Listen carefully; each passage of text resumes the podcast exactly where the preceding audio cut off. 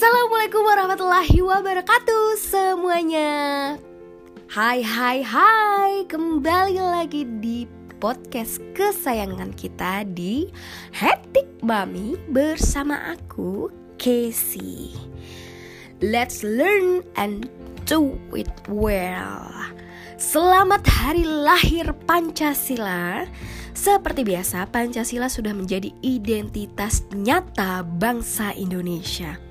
Hal ini pertama kali tercetus pada pidato Insinyur Soekarno dalam sidang Dokuritsu Zombi Hosakai atau sidang BPUPKI.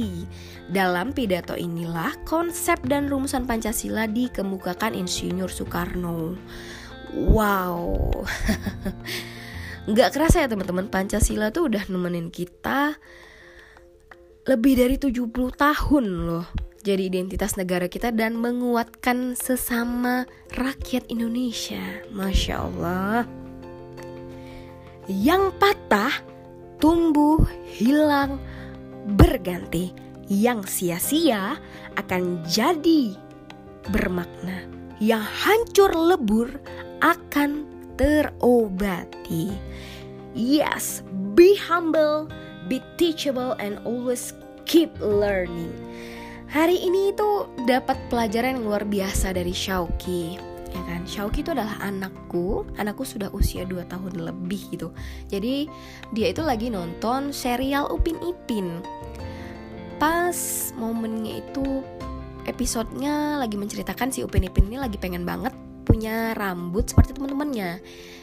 Terus singkat cerita dia diejek botak sama si Fizi. Terus dia nangis lari ke opanya terus si Upinnya si Upin Ipinnya ini cerita lah sama opanya kalau dia itu diejek sama si Fizi botak. Tapi bagusnya si opanya bilang lah kalian kan memang botak kenapa harus nangis? Terus si Xiaoki nanya dong Uma kenapa Upin Ipinnya nangis? Terus ya aku bilang kan ya opini opini itu habis di diejek sama Fizi makanya dia nangis. Kenapa dia nangis Uma? Dia kan botak dia kan memang botak. Masya Allah nyes gitu kan rasanya.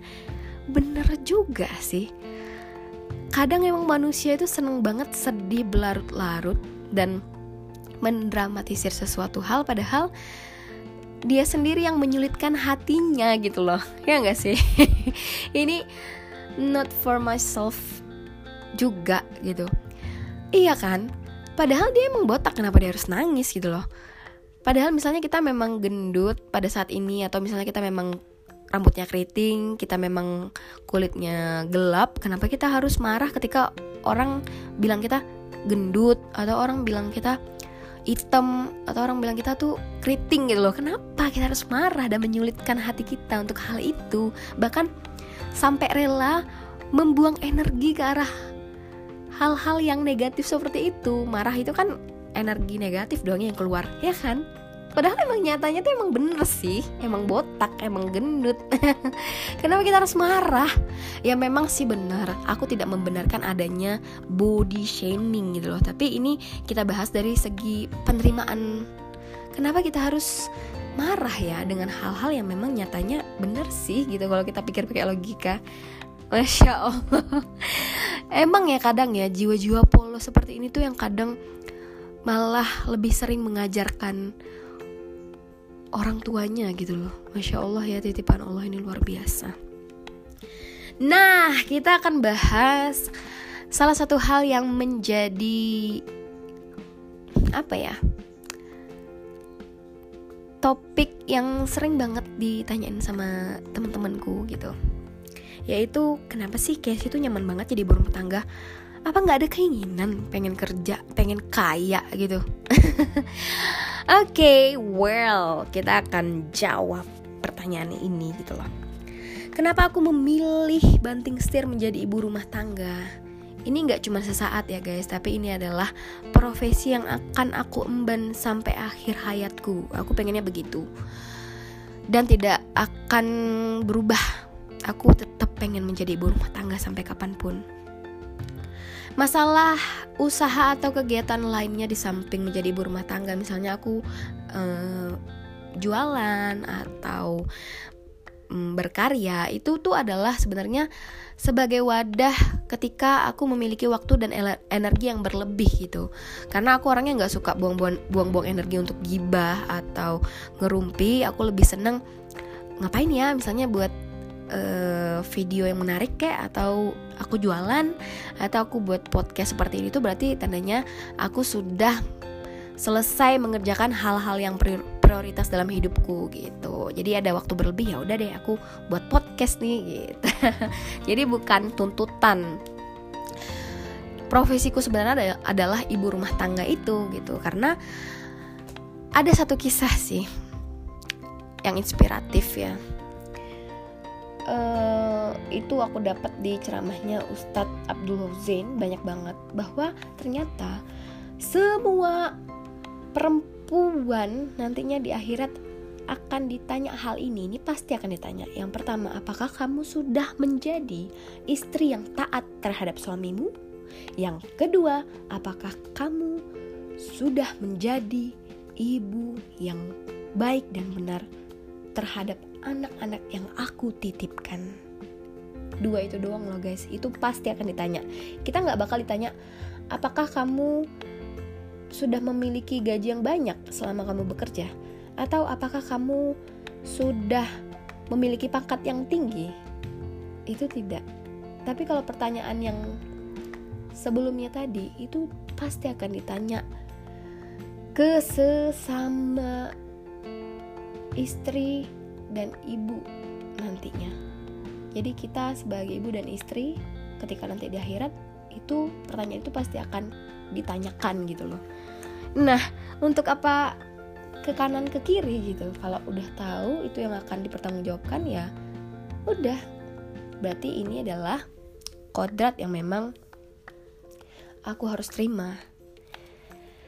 Kemudian anak itu adalah ujian dan amanah yang besar dari Allah Subhanahu wa taala. Enggak mudah untuk menjadikannya ia soleh dan selalu percaya bahwa Allah Subhanahu wa taala itu menitipkan anak enggak cuman titip sembarang titip gitu. Itu udah sepaket dengan rezekinya jadi untuk apa aku khawatir gitu? Sebenarnya kita sendiri aja kita sesama manusia ini aja masing-masing Allah turunkan ke dunia ini udah dikasih bekal udah dikasih rezeki masing-masing gitu loh. Makanya aku nggak ada khawatir tentang hal itu. Gitu. Malah yang aku khawatirkan apakah aku sudah menjadi ibu yang baik dan benar untuk anak-anakku? Itu yang aku khawatirkan. Tapi kalau untuk anaknya sendiri aku sama sekali tidak ada kekhawatiran gitu. Makanya sangat disayangkan jika itu dioper ke neneknya atau ke baby sister tanggung jawab itu dioper itu sangat disayangkan karena anak itu mutlak dititip sama kita secara langsung gitu ya kan? Berarti Allah pengennya kita nih yang mensolehkan anak-anak ini. Dan Allah menitipkan itu dengan maksud dengan maksud nih tolong solehkan anak ini nggak ada. Nih tolong jadikan dia youtuber terkenal dan tenar. Enggak atau misalnya uh, ini nih aku titipkan tolong jadikan dia manusia yang berpangkat tinggi. Tidak. Malah nih toh aku titipkan anak ini dengan rezekinya tolong solehkan ia. Ya kan? Itu aja gitu loh. Jadi aku tidak ada keinginan lain selain ingin mensolehkan anak yang telah Allah titipkan itu kenapa? Itu adalah sesuatu hal yang membetahkan aku.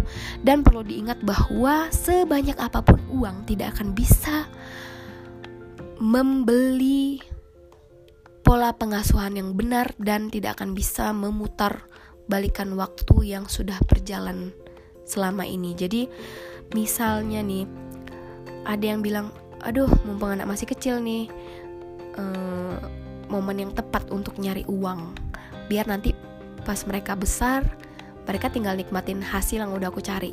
Ya kalau uangnya terkumpul yang ada uangnya habis untuk mengcover anak yang udah salah arah karena pola pengasuhan yang salah. Wow itu uh, big nightmare atau mimpi buruk sih. Karena udahlah capek-capek nyari uang uangnya habis untuk mengcover bukan me memperbaiki ya. Karena uh, pola pengasuhan yang salah itu tidak akan bisa diperbaiki ketika mereka udah besar karena itu udah menjadi watak dan karakter gitu. Bayangin itu contoh konkret.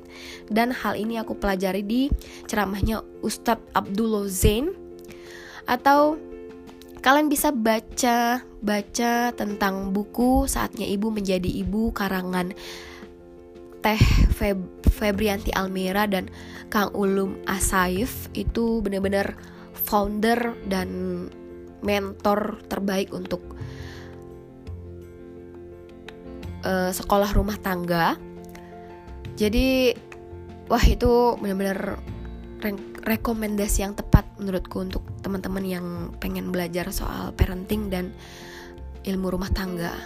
Alhamdulillah ya zaman sekarang tuh mudah banget untuk meng mengakses ilmu. Tinggal kita sendiri niat apa enggak karena menurutku niat itu adalah sesuatu hal yang membuka peluang masuknya ilmu dengan mudah. Jadi ya tergantung niat tadi gitu. Makanya itu kenapa hal yang membuat aku sangat amat betah menjadi ibu rumah tangga gitu loh. Karena nggak ada hal yang bisa dibeli dari momen-momen itu ketika kita e, mengasuh anak itu memang awalnya susah. Sama seperti sistem cocok tanam. Ketika kita bercocok tanam kan memang momen yang paling susah itu ketika e, kita memelihara benihnya dari kecil. Nah nanti kan ketika benihnya itu sudah besar, sudah berbuah ya kita tinggal petik sama seperti anak gitu.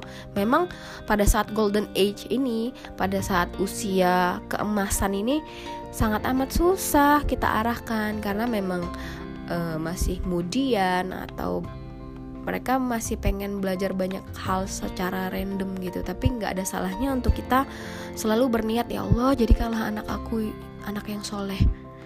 Selalu berdoa untuk jadikanlah anak yang kau titip ini anak yang soleh dan bertauhid. Gitu. Nggak ada salahnya kita terus menerus memiliki niat dan upaya ke arah itu gitu loh dan hal ini juga ada di Al-Quran.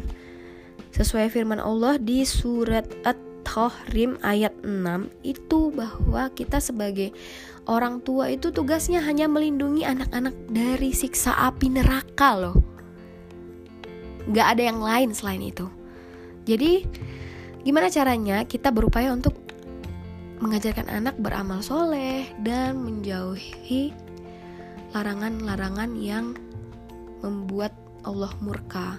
Itu aja gitu loh. Jadi itu hal yang sampai saat ini menjadi prinsipku. Ya memang masih ada remedial sana sini itu pasti itu wajar. Yang penting kita tetap terus berusaha ke arah yang lebih baik. Ya kan? Selalu diingat satu hal bahwa pengasuhan tidak akan dapat digantikan oleh uang. Dan pola pengasuhan yang salah tidak akan bisa diperbaiki dengan uang. Jadi uang bukanlah segala-galanya. Terima kasih sudah menyempatkan diri untuk tetap stay tune di Hetik Mami. Semoga kalian adalah manusia-manusia yang tetap terus belajar dan berkegiatan yang pastinya bermanfaat untuk diri kalian sendiri sekaligus untuk sesama manusia di sekitar kalian. Wassalamualaikum warahmatullahi wabarakatuh. Bye.